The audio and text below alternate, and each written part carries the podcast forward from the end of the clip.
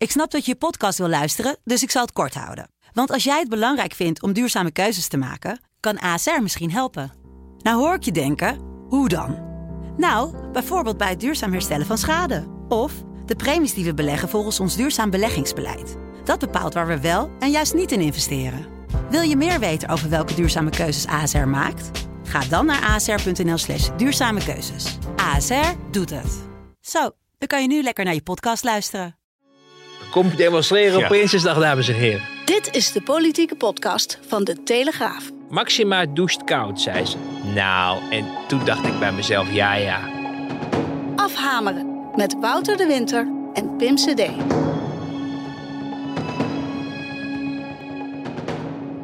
Ja, we krijgen nog wel wat feedback op, eh, op de nieuwe introductie natuurlijk die we met Afhamer hebben. Het Hele heeft natuurlijk- enthousiaste feedback, Het, heeft iets melodramatisch, maar dat is wel passend week vandaag. st- stromen de mailboxen over. Ja, maar ik dacht op vandaag is het, wel, is het misschien wel passend. Want eh, eh, ja, symboliseert de, de tune een beetje de, staat, de state of mind of niet? Van mij? Ja, Nou, mijn wekker ging vanochtend om vijf voor half vijf. Ja. Eh, want eh, ik, ik dacht om het bedrijf geld te besparen. eh, uit Göteborg terugvliegen, waar ik voor het staatsbezoek was. kon ik ook nog een latere vlucht nemen. Maar dat kostte dan een paar honderd euro meer. En Ja. ik dacht, ja, hè, de papierprijzen. Dus eh I'll take one voor de team. Dus vijf voor half vijf eh, de wekker. En ehm, eh, nou ja, dan, dan ben je de hele dag eigenlijk zoals ik me na, na 19 uur in Texas voelde. Ja. Na, Ja. een paar weken geleden. Dus, maar we laten het niet merken. Nee, want je nee, zit nee. ook met zo'n slaaptekort, word je op een gegeven moment ook, eh, ehm, ja, hoe noem je zoiets? Een beetje slaapdronken en weer Nou, vrolijk. Eh, Meestal Dus- zijn de podcasts waarin jij slaapdronken bent van een Ja. uitmuntend niveau, eh, Wouter de Winter. Ik zit nog uit, aan, aan Houston eh, te denken eh, bijvoorbeeld. Zeker, ja. Maar goed, ehm, laten we meteen het over de inhoud hebben. Want het eh, staatsbezoek, eh, nou ja, dat, dat, dat deed zijn ding. Het ging over duurzaamheid. Het ging natuurlijk over de dreiging eh, van Rusland. Tot op donderdag eh, de koning en de koningin ehm, ja, opvallende uitspraken deden. Hoe heeft u het ervaren? Wat is het huis uit is gegaan? Ze is het huis niet uit. Je hebt misschien kunnen eh, eh, gehoord over, over ja, bepaalde eh, nieuws die is gegaan. En eh, dat heeft enorme consequenties voor haar leven. En dat betekent natuurlijk dat ze niet in Amsterdam woont. En eh, dat ze ook niet echt naar buiten kan. En, en die consequenties zijn heel moeilijk voor haar. Ehm, dus eh, het is voor haar geen studentenleven zoals andere studenten dat hebben. Het was heel bijzonder, want we hoorden eigenlijk de hele week, eh, eh, ook van de RVD, van nou ja, men wil nog steeds geen mededelingen doen over eh, veiligheidszaken. Hè. Dat is de lijn die altijd wordt aangehouden en die ook gisteren, we nemen dit op op vrijdag, maar gisteren, gisteravond ook door premier Rutte nog gevolgd werd. Eh, hè, hij vond het allemaal heel erg, maar hij wilde er niks over kwijt vanwege de veiligheidssituatie. Maar toen toch als een duveltje uit een doosje, we hadden ons wel voorgenomen namelijk om er toch naar te vragen, want Ehm, ja, geen antwoord is ook een antwoord in Mhm. deze. Maar het zou heel raar zijn dat als, je, als, je de, eh, als er zoiets speelt. En we hebben daar ook de krant mee geopend. Dat we daar ook dan niet eh, aan de- bij de mensen om wie het gaat. eh, persoonlijke vragen over stellen. En toen eh, ja, was Maxima eigenlijk degene die verklaarde dat het heel ernstig is. Dat haar dochter er heel erg onder lijdt. Ehm, Koning zei dat hij het als vader ook ja, onbeschrijfelijk niet te beschrijven vond om te zeggen hoe, hoe erg eh, hij vindt wat er gaande is. Eh, maar maar nou ja, de, de, het toegeven van dat het hen heel erg aangrijpt en dat ze zich ook zorgen maken eh, natuurlijk over de veiligheid van hun dochter, maar ook over de ontwikkeling van haar. Ik denk dat dat misschien nog wel het grootste eh, issue is persoonlijk voor die familie. Hè, ze zijn eh, eh, natuurlijk zelf ook gewend om student ooit geweest te zijn. Maxima in hele andere omstandigheden dan Willem-Alexander destijds. Maar ook Willem-Alexander heeft toch wel met volle teugen van zijn studententijd genoten. En nou, we hebben zelf ook alle twee gestudeerd, Pim. En we kunnen ons daar best wel wat bij voorstellen. Zeker. Dat is nog een tijd geweest waarin je jezelf leerde ontdekken en andere mensen leerde ontdekken. En soms verlang je er naar terug hoe onbezonnen het leven toen kon zijn. En dat je na aantal, eh, toen nog zoete witte wijn met ijs, die, die dronk ik toen nog wel, Oh ja? eh, 18-jarige in, in de kroeg. Toen was dat nog heel normaal. Toen proefde hij ook helemaal niet als een kurk in zat. Want toen dacht je, oh dat hoort ze- zeker bij de smaak.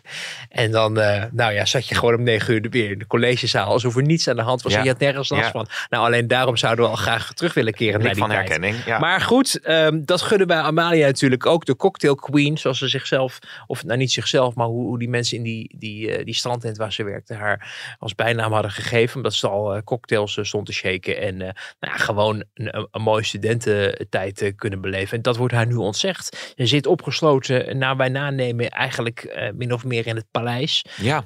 waarin ze wel heel erg aan het studeren is. nou, daar was ze al goed in, wisten we van haar middelbare schoolresultaten. Maar voor die, voor die ouders, vooral natuurlijk voor Amalia zelf hartverscheurend. Dat het begin van een nieuwe levensfase verstoord wordt door dreiging uit het criminele circuit. dus dat was een, een hele ja, bijzondere ja, mededeling die, die eigenlijk niemand had zien aankomen. Uh, maar daardoor ook wel iets zegt over uh, uh, nou ja, hoe serieus het ja. ook in koninklijke kringen is aangekomen. Ja, wat, wat opmerkelijk is bij, bij dit nieuws en misschien ook wel heel verklaarbaar, maar het is natuurlijk schokkend. En tegelijkertijd uh, zie je in de talkshow, uh, talkshows uh, donderdagavond eigenlijk heel veel mensen niks zeggen. Mm -hmm. Want natuurlijk alle details, alle achtergronden, mm -hmm. ja, die, die, die weten mensen niet. Of daar kunnen ze niks over naar buiten ja. brengen. Ja, dat, en dat, dat, dat luistert ook heel nauw. want het, nou ja, we weten natuurlijk dat, dat dat publiceren over dit soort zaken niet zonder risico is. Hè. Onze eigen John van de Heuvel, die wordt natuurlijk al heel erg lang bedreigd en dus ook streng beveiligd vanwege het feit dat hij over criminaliteit schrijft. En dan comes with the job, kennelijk tegenwoordig in dit land, dat je dan voor je leven moet vrezen. Op zich natuurlijk al een hele schokkende situatie. Maar wat, wat, mij opviel was dat er nadat de koningin ehm, er iets over had gezegd, en de koning, dat er toen ook politieke reacties loskwamen. Uh, de premier hadden we het net al eventjes over, die, ja. uh, die toegaf uh, ja, dat het allemaal heel ernstig is en verschrikkelijk. Ja, dat is natuurlijk vreselijk nieuws, ook heel heftig. Berichten die erover naar buiten zijn gekomen. In de eerste plaats natuurlijk voor haarzelf. Ik moet u er helaas bij zeggen dat ik over bedreigingen en ook over veiligheidsmaatregelen niets kan zeggen kan u wel verzekeren dat iedereen die hier iets van af weet en daarbij betrokken is vanuit de overheid zijn uiterste best doet om dit uiteraard uh, ja, om ervoor te zorgen dat ze veilig is. Minister Jezielgus die heel snel reageerde en uh, zei: Ik kan me voorstellen dat mensen er erg door geschrokken zijn. Maar ik kan iedereen garanderen dat de diensten er alles uh, aan doen om haar veilig te houden, uh, Amalia.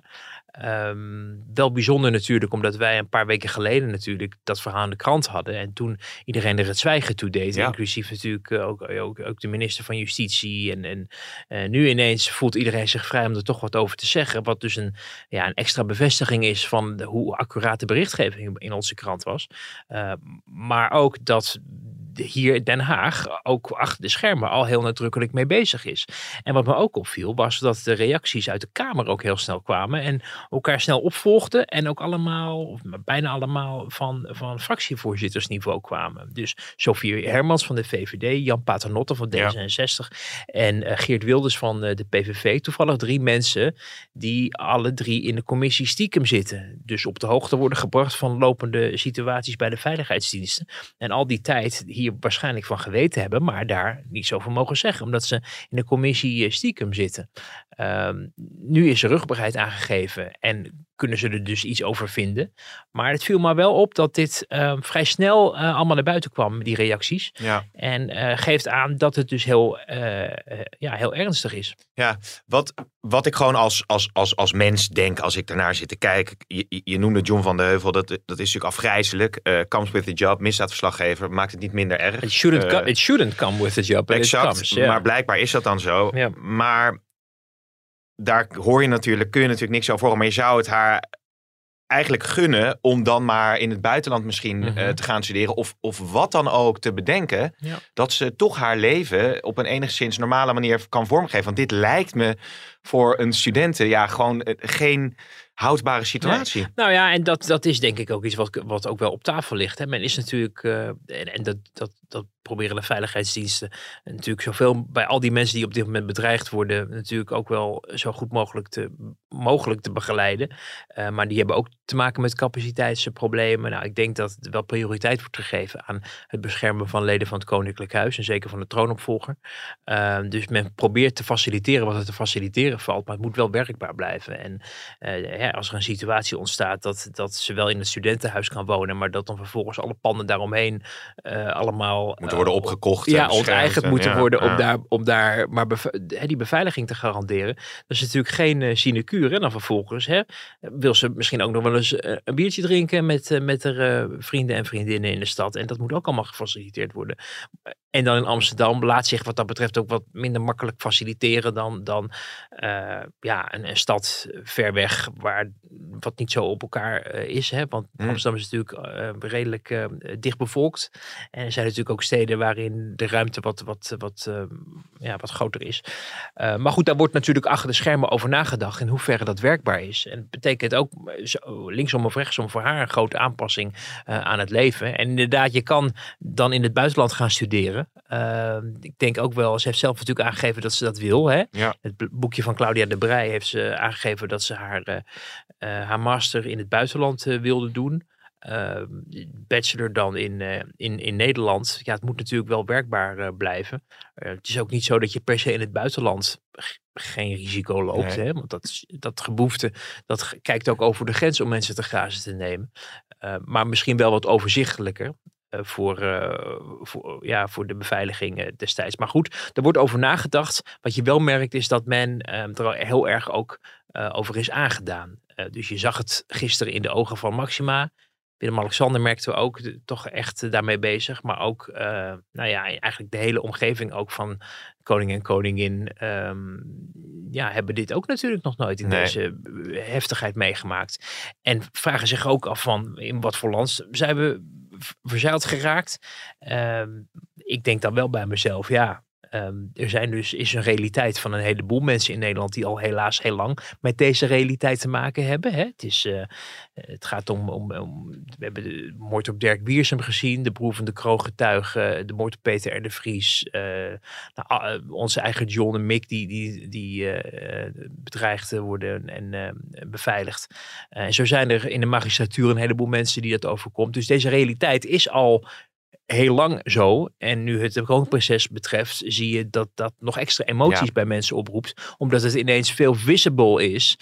Het Ja, en omdat ze in die, in kroonprinses. die bedreigingen dus blijkbaar zo ver gaan Ja. dat het niet uitmaakt of het, of het nou de kroonprinses is. eh, En Rutte natuurlijk en ook, Rutte, hè, die die worden er ook, ook bij, gewoon eh, Ja. blijkbaar eh, op ernstige wijze Ja, bedreigd. maar, maar daardoor is de angstaanjagendheid eh, misschien aan de ene kant ook groter. Aan de andere kant maakt het, het probleem ook wel heel zichtbaar nu. Dat het dus niet alleen maar gaat om dat groepje journalisten of de rechters die mensen in de hè, justitiekringen natuurlijk wel kennen. En advocatenkringen, maar het grote publiek geen, geen weet van heeft. Maar Nee. bij, bij Amalia is het natuurlijk, weet iedereen wie Amalia is. Eh, en dat maakt het dus ook heftig, maar daardoor ook een, misschien ook een wake-up call voor het land.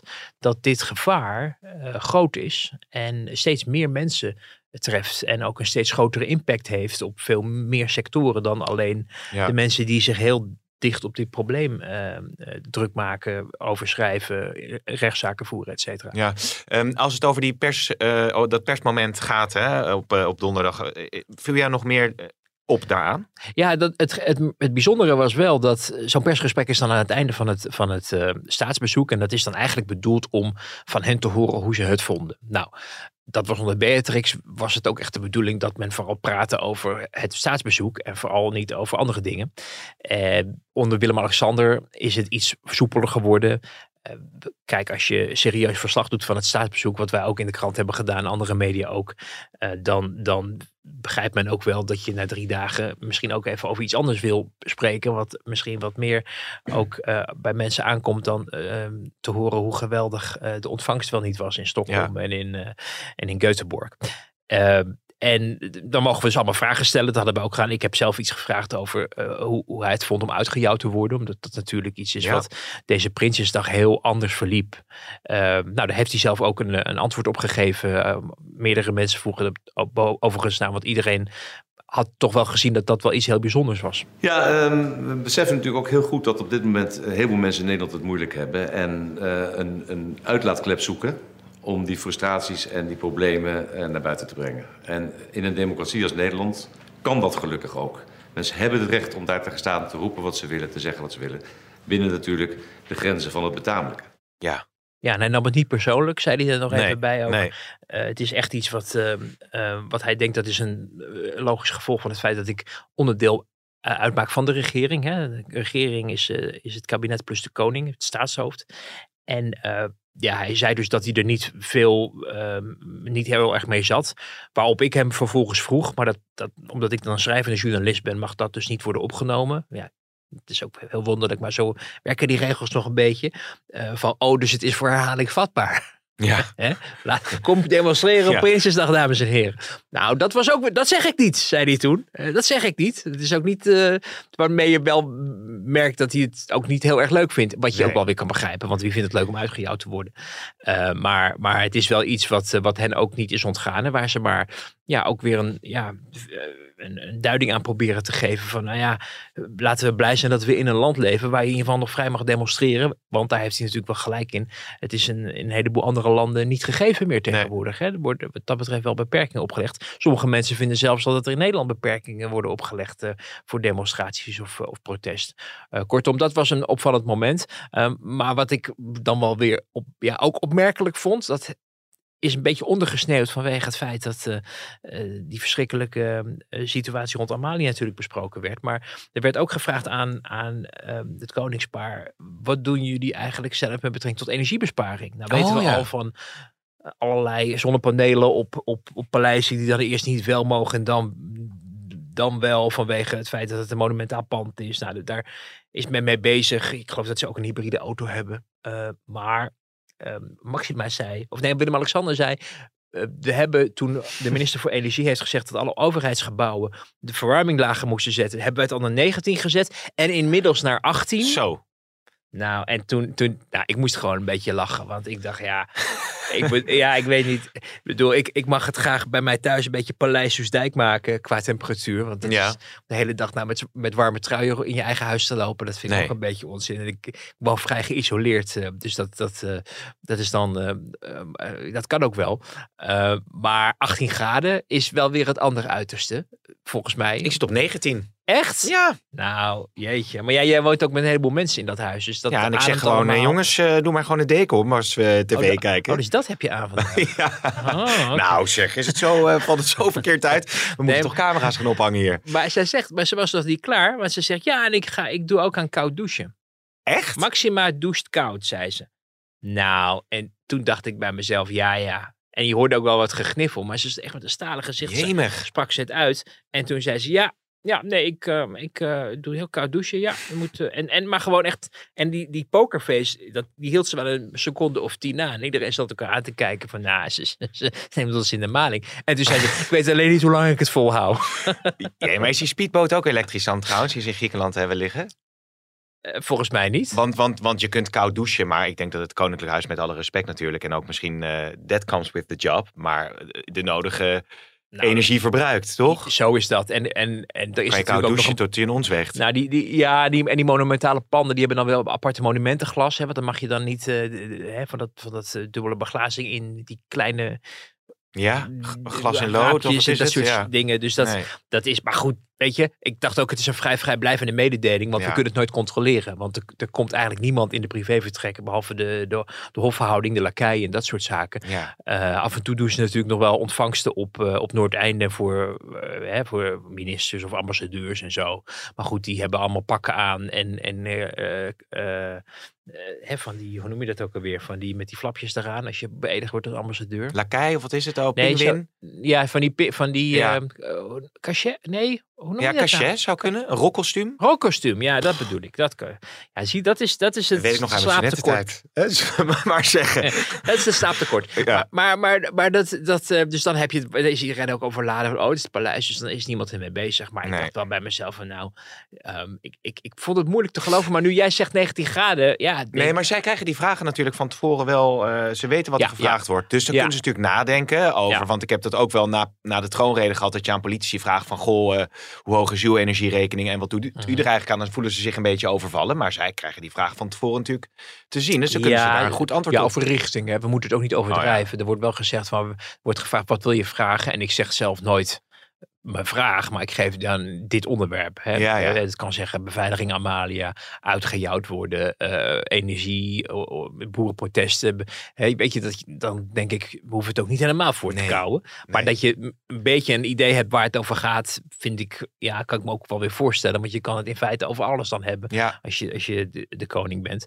Eh, hoewel het blijft natuurlijk onnatuurlijk dat je daar vooraf iets over moet vertellen. Dat zouden we met politici natuurlijk niet doen. Hoewel Nee. hè, je zegt wel eens van eh, we willen een interview hebben over dit of dat. de Daar voorlichters zouden het graag willen natuurlijk. Ja, en, ja, precies. Dan, dan bedoel ik vind het ook niet onredelijk om in ieder geval een onderwerp aan te geven. Ja. Maar we gaan niet Ja. van tevoren vragen dicteren die ze dan kunnen oefenen met elkaar. Ik, ik vind ook bij het Koninklijk Huis, ik zie daar toch tapijt, open haartje, eh, eh, lekker Nou. warm. Dat is een beetje het gevoel wat je daarbij krijgt. toch? Zeker, Op en dat mooie suède bank. En dat gevoel dat had ik, had ik dus ook eh, de afgelopen dagen daar in, dat, in, in, in die monarchie die Zweden is. Want ik was dus eh, eh, uitgenodigd om ook een kijkje te nemen in, in de plek waar ze dan het eh, staatsbanket eh, Ja. houden. En dan loop je daar dus door die paleisgangen van een monarchie die ik dan eigenlijk ook niet zo goed ken. Hè. Je weet, eh, je weet het Oranjes. Ik ben in Buckingham Palace geweest toen nog Elisabeth nog leefde voor het staatsbezoek daar. En dan denk je ook bij jezelf van wauw, het is toch wel bijzonder dat ik hier ben.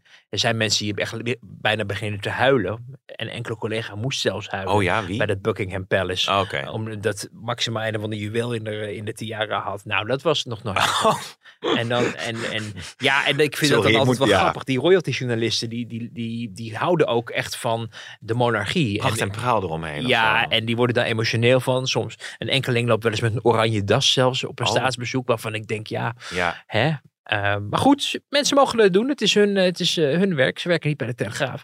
Maar eh, ehm, ik, ik in Buckingham Palace toen geweest. Zag je die schilderijen. Zag je, die, die, eh, zag je Elisabeth. Dan denk je van, nou ja, het is toch wandelende historie. Nou, dat blijkt inmiddels wel. Maar je ziet ook de, de, de, de, de bruine, ehm, de, de bruine eh, eh, kussens. Die, die eerst niet bruin waren. Maar door de lekkage die er in het dak zat Ja, ja, ja. bruin zijn geworden. Waarmee ik wil aangeven dat zo'n paleis is zo groot. Er is vaak ook helemaal geen geld om het allemaal goed te onderhouden. Dat het dus ook soms aan alle kanten uit elkaar valt. Behalve de vertrekken waar dan het staatshoofd en de gasten dan echt Ja. verblijven.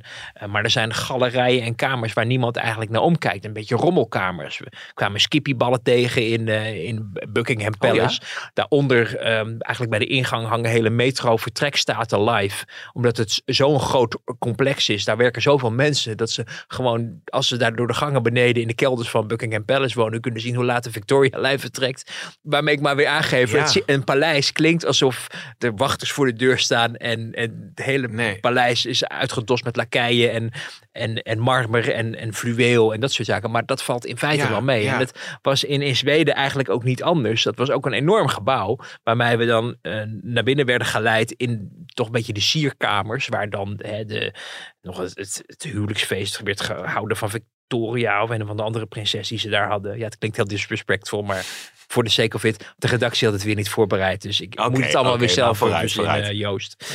Dus ehm, nee, en, en ehm, op een gegeven moment dus in die, in die langwerpige zaal waar ze dan dat, eh dat staatsbanket organiseren. En ja, dat is wel heel grappig. Dat was dan het servies van een of andere, ehm, eh, of een, van- een van de voorgangers van Carl Gustav.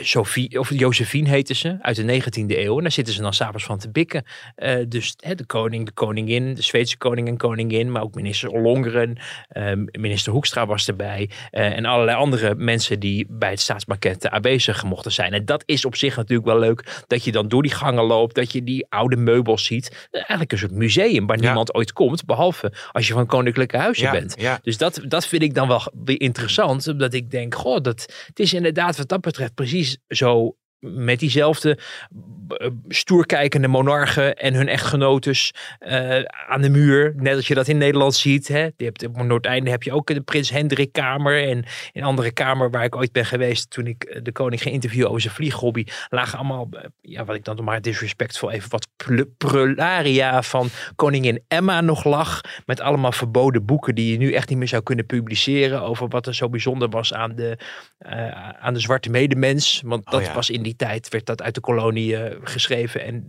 in een bibliotheekje gezet. Met Ja. een E, met zo'n kroontje erop. Dus dan Ja. zie je, je proeft de geschiedenis. En dat zie je eigenlijk ook in zo'n ander Ja. koningshuis. Ik vraag me dan af wie er op die skippiebal eh, zat. Maar Nou was omdat een zo- werknemer natuurlijk. ja, hè? zoveel werknemers. Er werken daar duizenden mensen. Ja, Dus- nee, dus nee, oké. niet, niet, niet de ook, queen eh, zelf dan. die hebben ook soms ook last van hun rug. Ja. Over dat, het bezoek gesproken nog als het gaat over de dreiging van de oorlog. Ehm, wat merkt je daarvan en ook de positionering van Olongren en, eh, en Hoekstra? Ja, dat was dus heel merkwaardig. Hè. Iedereen weet dat dat eigenlijk veel belangrijker is op dit moment dan alle prachtige duurzaamheidsprojecten. Hè. Er zijn natuurlijk een hele, heleboel eh, redenen om op dit moment ook vanwege energiezuinige redenen eh, om te kijken hoe je ook daar stappen kan zetten als samenleving, zowel in Zweden als in Nederland. En ongetwijfeld kunnen we van ook veel van elkaar leren. Maar we zaten op een gegeven moment bij een presentatie waarin eh, de koning en koningin eh, te horen kregen dat de gletsjers aan het smelten waren. Dus dacht ik bij mezelf, nou ja, dat, dat was volgens mij reeds bekend. Dus wat daar nou, nou precies aan toegevoegde waarde voor is, dat vroeg ik mij af. Tegelijkertijd weet je dat alle kranten daar vol staan van het bombardement op Oekraïne, Ja. wat toen net was eh, geweest door Poetin, waarin Poetin ook wordt a- aangewezen als monster. Eh begrijpelijke wijze uiteraard, maar eh, lachend op, op de voorpagina. Dus je ziet de brandende huizen bij het, bij het Aftenbladen, het heet het geloof ik uit mijn hoofd. En dan de Poetin die er dan bij staat te lachen. Je, op een andere voorpagina stonden ook die brandende huizen en, en hoe verschrikkelijk het was. En, en een afbeelding van Hitler. Dus ze gaan daar verder dan de Nederlandse pers. Ja, het is, het is heftiger. Dat merkte ik ook toen ik met, met eh, minister Hoekstra een paar maanden geleden in de Baltische Staten en Finland was. Dat omdat het daar veel dichterbij is, de dreiging ook veel meer gevoeld wordt. En men het er dus ook Ja. meer over heeft, zich misschien ook zorgen maakt. Zweden natuurlijk een neutraal land geweest. Nu gaan ze bij de NAVO horen. Dat is een, een aardverschuiving voor dat land ook. Maar dat geeft ook aan dat ze erg bezorgd zijn over de situatie. Dus dat is iets wat, waarvan je weet dat het speelt. En we begrijpen ook van achter de schermen dat de gesprekken die er dan met koning en koningin, maar ook in aanwezigheid van Ollongren en Hoekstra zijn, met hun Zweedse counterparts, die daar dan aan een, hè, we zaten bij de premier bijvoorbeeld in het, eh, in, in, in, eh, in, de, in het kantoor van de premier waar ze dan gingen lunchen. En daar worden dat soort dingen wel besproken. Alleen, daar mogen wij als media natuurlijk niet. Nou ja, natuurlijk weet ik niet. Maar wij mogen daar niet bij, bij zijn. Natuurlijk wil je graag horen wat men met elkaar bespreekt. Ik begrijp dat, dat dingen worden besproken. Wat gaan jullie nog leveren? Wat hebben jullie nog voorradig? Wat we zouden kunnen eh, brengen naar Oekraïne? Of waar is een tekort aan? Hoe vliegen jullie dat aan? En hoe hou je de bevolking aangehaakt daarbij? Dat soort zaken. Want een heleboel van die wapenleveranties vinden achter de schermen Ja. plaats, omdat er geen rugbaarheid aan mag worden gegeven, omdat anders Rusland zich zou kunnen voorbereiden eh, op datgene wat die kant op wordt gestuurd. Eh, dus daar wordt dan erg geheimzinnig over gedaan. Ehm, maar het gevolg daarvan wel is dat dan in het officiële programma het alleen maar over wissewasjes gaat. Want de echt belangrijke zaken zijn gevoelig, vinden achter de schermen plaats. Er is natuurlijk ook een, een ruk naar rechts die daar is gemaakt. Eh, weliswaar heeft de, de socialistische huidige premier nog meer stemmen gekregen. Alleen omdat de Zweden Democraten, wat dan een, een, een populistisch, voor sommigen zelfs zeer eh, extreemrechts eh, partij is, gegroeid is, is, is dus ja, de pendule naar de rechterkant overgezwaaid, waardoor een rechtskabinet gaat komen.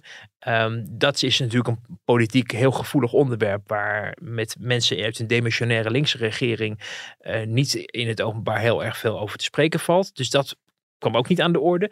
Problemen rond immigratie en integratie in Zweden zijn groot. Ook niet aan de orde geweest in het publieke gedeelte. Nog wel door de koning op een gegeven moment uitgesproken.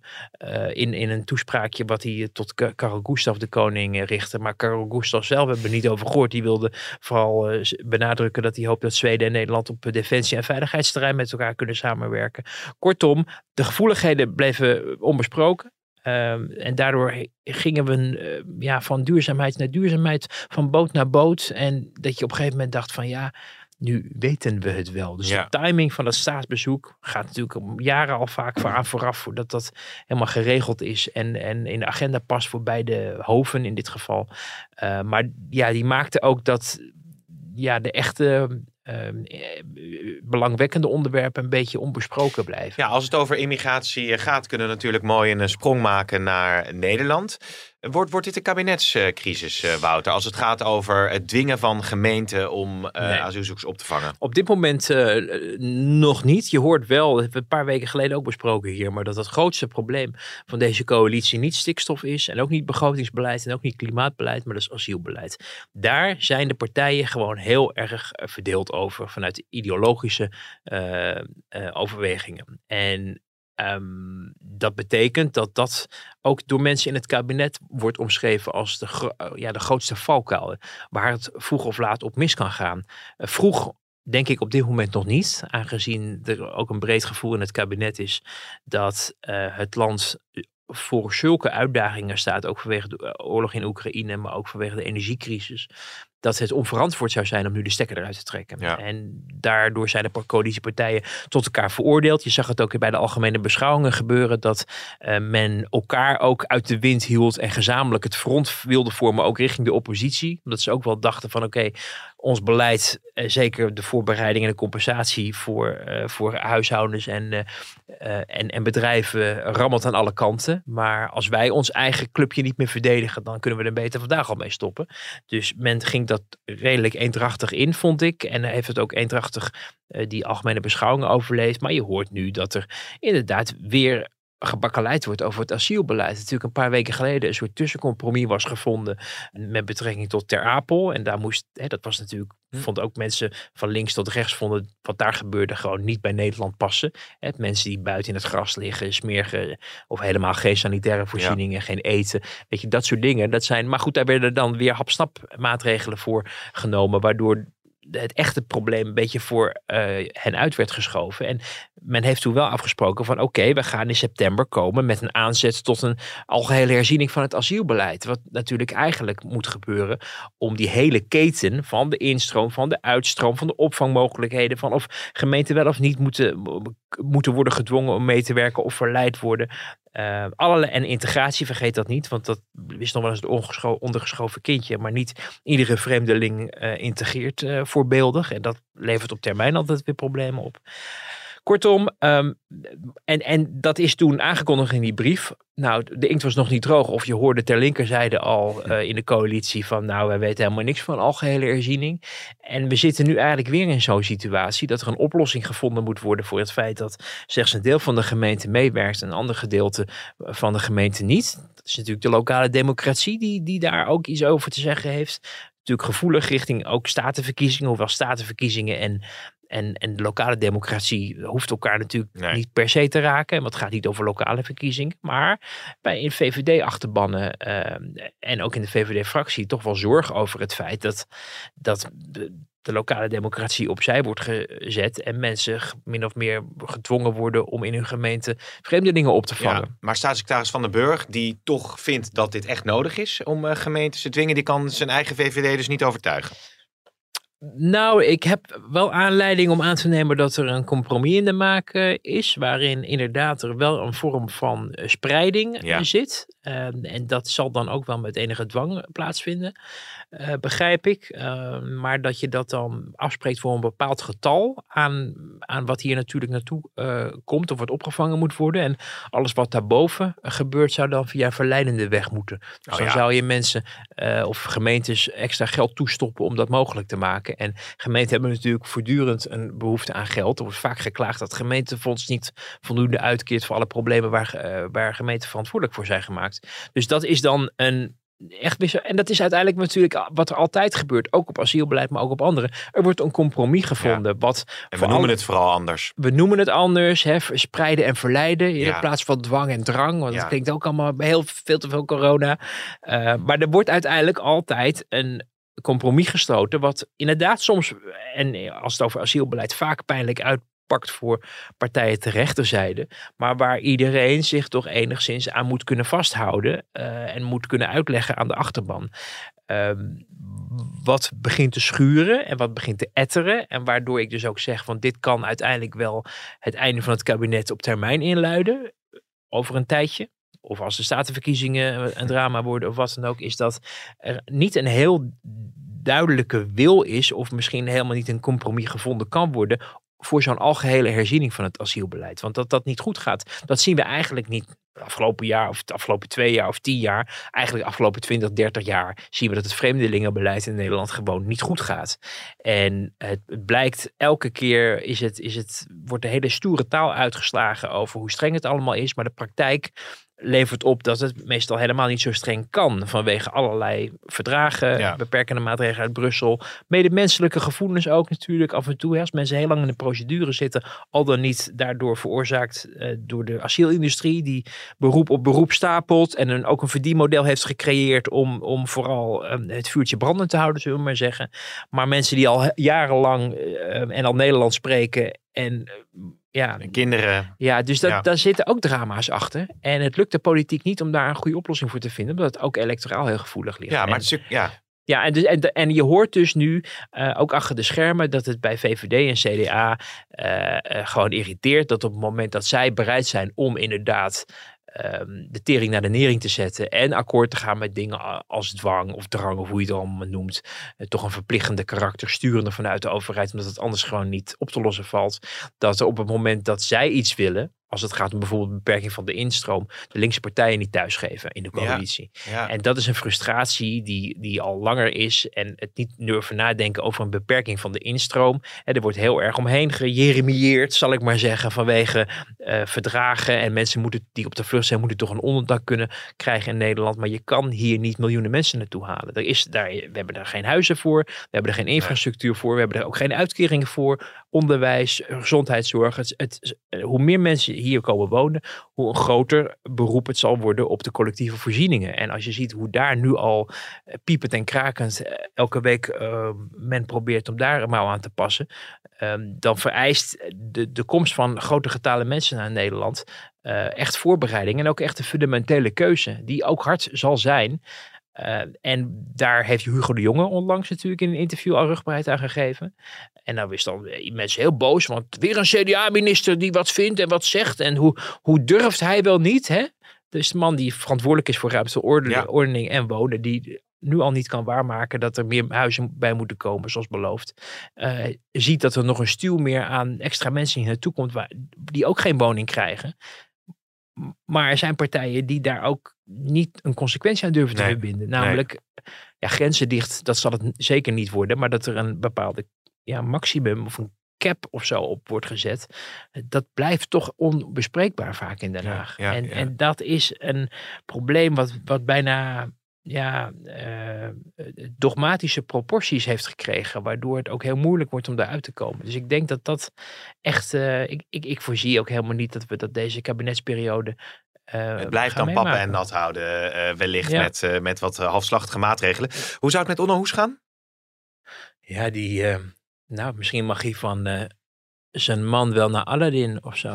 ja. Ik hoorde dat Schijnt het, een goede musical te ik zijn, hoorde hè? dat de laatste, uh, uitzending- de laatste eh, voorstelling eh, eh, zijn afgesproken. Misschien wil je nog een keer. Oh, is dat zo? Nee, ik hoef niet meer naar Aladdin. Ik ga dan wel naar een Ik andere zie de tranen in musical. je ogen springen. Ja, zeer emotioneel. Maar dat is maar wat denk jij? Zal Aladdin eerder stoppen of Soldaat van Oranje?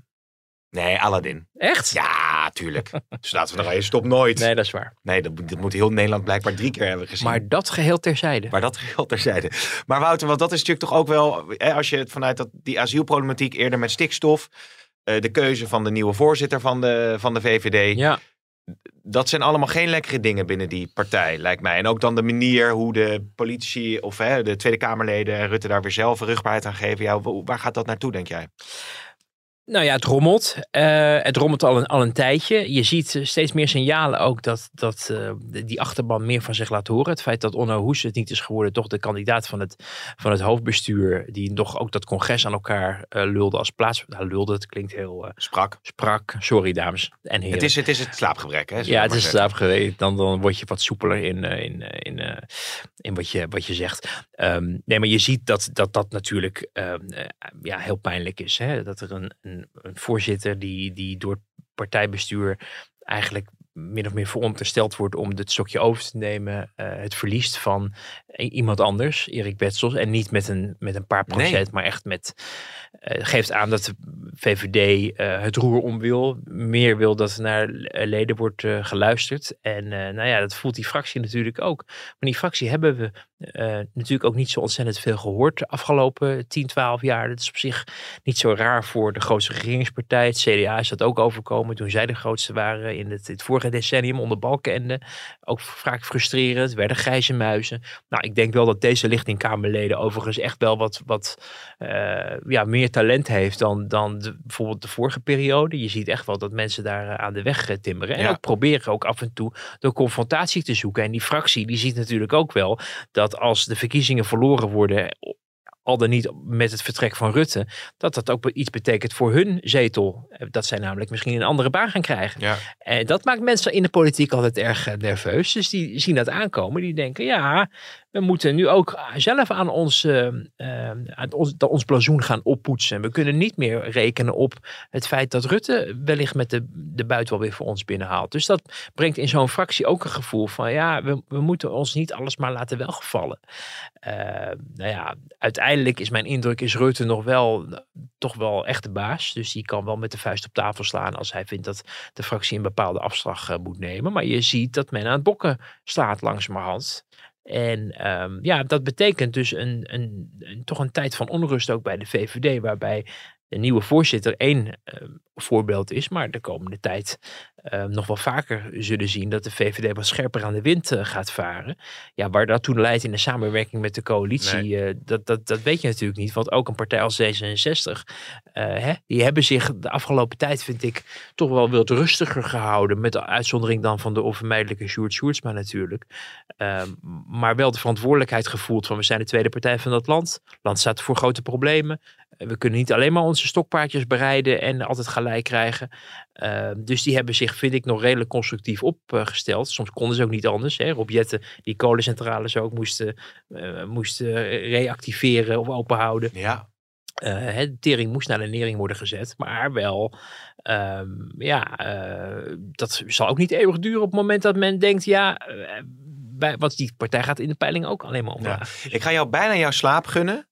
Maar ik, nou, ik moet nog naar Den Haag hoor. Oh ja, oh ja natuurlijk. Ja, dat ook nog. Nou, er is nog één punt waar, waar ik zelf wel ongelooflijk nieuwsgierig naar ben. Ook omdat ik zelf natuurlijk naar Qatar ga. Maar uh, oh, ja. ik, ik, ik, ik las toch wel deze week bij ons in de krant. Dat dat ook weer zo'n etterig dingetje kan zijn. Van ja, wie stuurt Nederland nou naar Qatar ja. toe? Ik, ook daar heb ik goed nieuws voor je. Of slecht nieuws, zo je wilt. Maar het, het, het kabinet zal niet vallen op Qatar. Nee, nee, nee. Nee, nee, nee maar, het is, het is maar je had het net over Sjoerd Sjoerdsma. Ja. Uh, ik kan me, want het, uh, ChristenUnie en D66 hadden daar volgens mij al, uh, voordat het huidige kabinet er zat, een standpunt ja. over ingenomen. Geeft ook aan dat dat dus eigenlijk niet meer telt dan. Hè? Want nee. je kan wel allerlei dingen roepen in campagnetijd en verkiezingstijd. Ja. Maar uiteindelijk moet je als kabinet dan een knoop toe gaan hakken. En nou ja, de Kamer kan daar ook een kabinet op wegsturen in principe. Maar ik denk ook niet dat ze dat gaan doen. Nee, Signaal nee, is natuurlijk wel duidelijk. Je kan natuurlijk schuiven met hoe hoog en belangrijk wordt die delegatie. Houden we het bij de minister voor Sport. Dat is dan ja. mevrouw Connie Helder. Ja. Of laten we ook de koning gaan. Daar kan je natuurlijk ja. iets in betekenen. Maar ja, als Nederland in de finale staat, waarom sturen we de koning dan niet? Is dat, is in ieder geval dan... geen biertje laten drinken of zo. Dat zeker niet met, beelden. met mensen die er nog onschuldig uitzien. ja, precies, dat, dat, dat, uh, dat, dat, blijkt toch later heel anders uit te pakken. Nee, maar, maar um, wat ik begreep in, uh, in kabinetskringen is dat uh, het kabinet wel van mening is dat er gewoon naar Qatar gegaan moet worden. Um, er is natuurlijk ook, daar is natuurlijk ook wel wat veranderd sinds die campagnetijd. Hè? En dat mensen allemaal zeiden van we willen het niet. we zijn afhankelijker geworden van andere landen om aan onze gasvoorraad te komen. Gasvoorraad zit nu, ik geloof, 93% vol.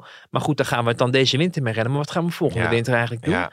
Is ja. toch heel erg onduidelijk allemaal. Want er was ook wel weer een, een, een waarschuwing vandaag dat uh, die gasprijzen nog heel lang hoog kunnen blijven. Ja, dat zal betekenen dat er het, het aanbod dus niet heel erg uh, overvloedig zal zijn. En dat betekent weer dat wij dus uh, ook elders zullen moeten blijven gas inkopen. Bij de Amerikanen en bij de Qatari waarschijnlijk ook. Die hebben ons al geholpen. Ja. Ja, om dan die mensen te gaan bruskeren vanwege het feit dat daar ook verschrikkelijke dingen zijn gebeurd met de bouw van stadi stadions. Ja, in een perfecte wereld zou je het begrijpen, maar, maar ja. we leven helaas niet meer in een perfecte nou, dat, wereld. Dat, dat, dat, interviewverzoek met Connie Helder, dat kunnen we vast gaan indienen als ik jou zo een beetje beluister. Ja, en ja. op de grote schermen, want jij gaat natuurlijk kijken naar dat WK, wil D66 dat we een disclaimer krijgen. Hè, aan het... Wat een, die gekkigheid. dat je, dat je, ja, dat... wat, een, ja, wat een idioot plan. Of dat ik zag ook, las ook uh, GroenLinks, die wilde niet dat het in Rotterdam op grote schermen te zien is of zo. Wat een gekte. Want dat doen ze ook niet in andere steden. En ja, po- politiek en voetbal mengen vind ik sowieso altijd een beetje een, eh, ja, een beetje raar. eh, en, en ook doet ook niet veel ehm, eer aan de prestaties van sporters vaak. Maar Ja. ook dat je wel bij jezelf denkt van in een tijd dat eh, mensen het moeilijk hebben. Ehm, ja, verlangen ze soms ook naar lichtpunten in het Gewoon leven. ongecompliceerd voetbal kijken. Ja, en ik herinner me ook nog wel, in die coronacrisis hadden we ook zo'n kampioenschap van voetbal. En het was toch een welkome afleiding. Ook Ja. al de Olympische Spelen destijds natuurlijk nog in, in Tokio uitgesteld. Ja. Het was toch leuk om ook, ook nog het idee te krijgen dat er ook nog leuke dingen zijn in het leven. Dus ik vraag me af of je je als partij nou heel erg populair maakt met dat soort stomme plannen. Maar laat ze het vooral doen, dan zien we ze wel eh, weer bij de verkiezingen. Oké, Wouter, dankjewel.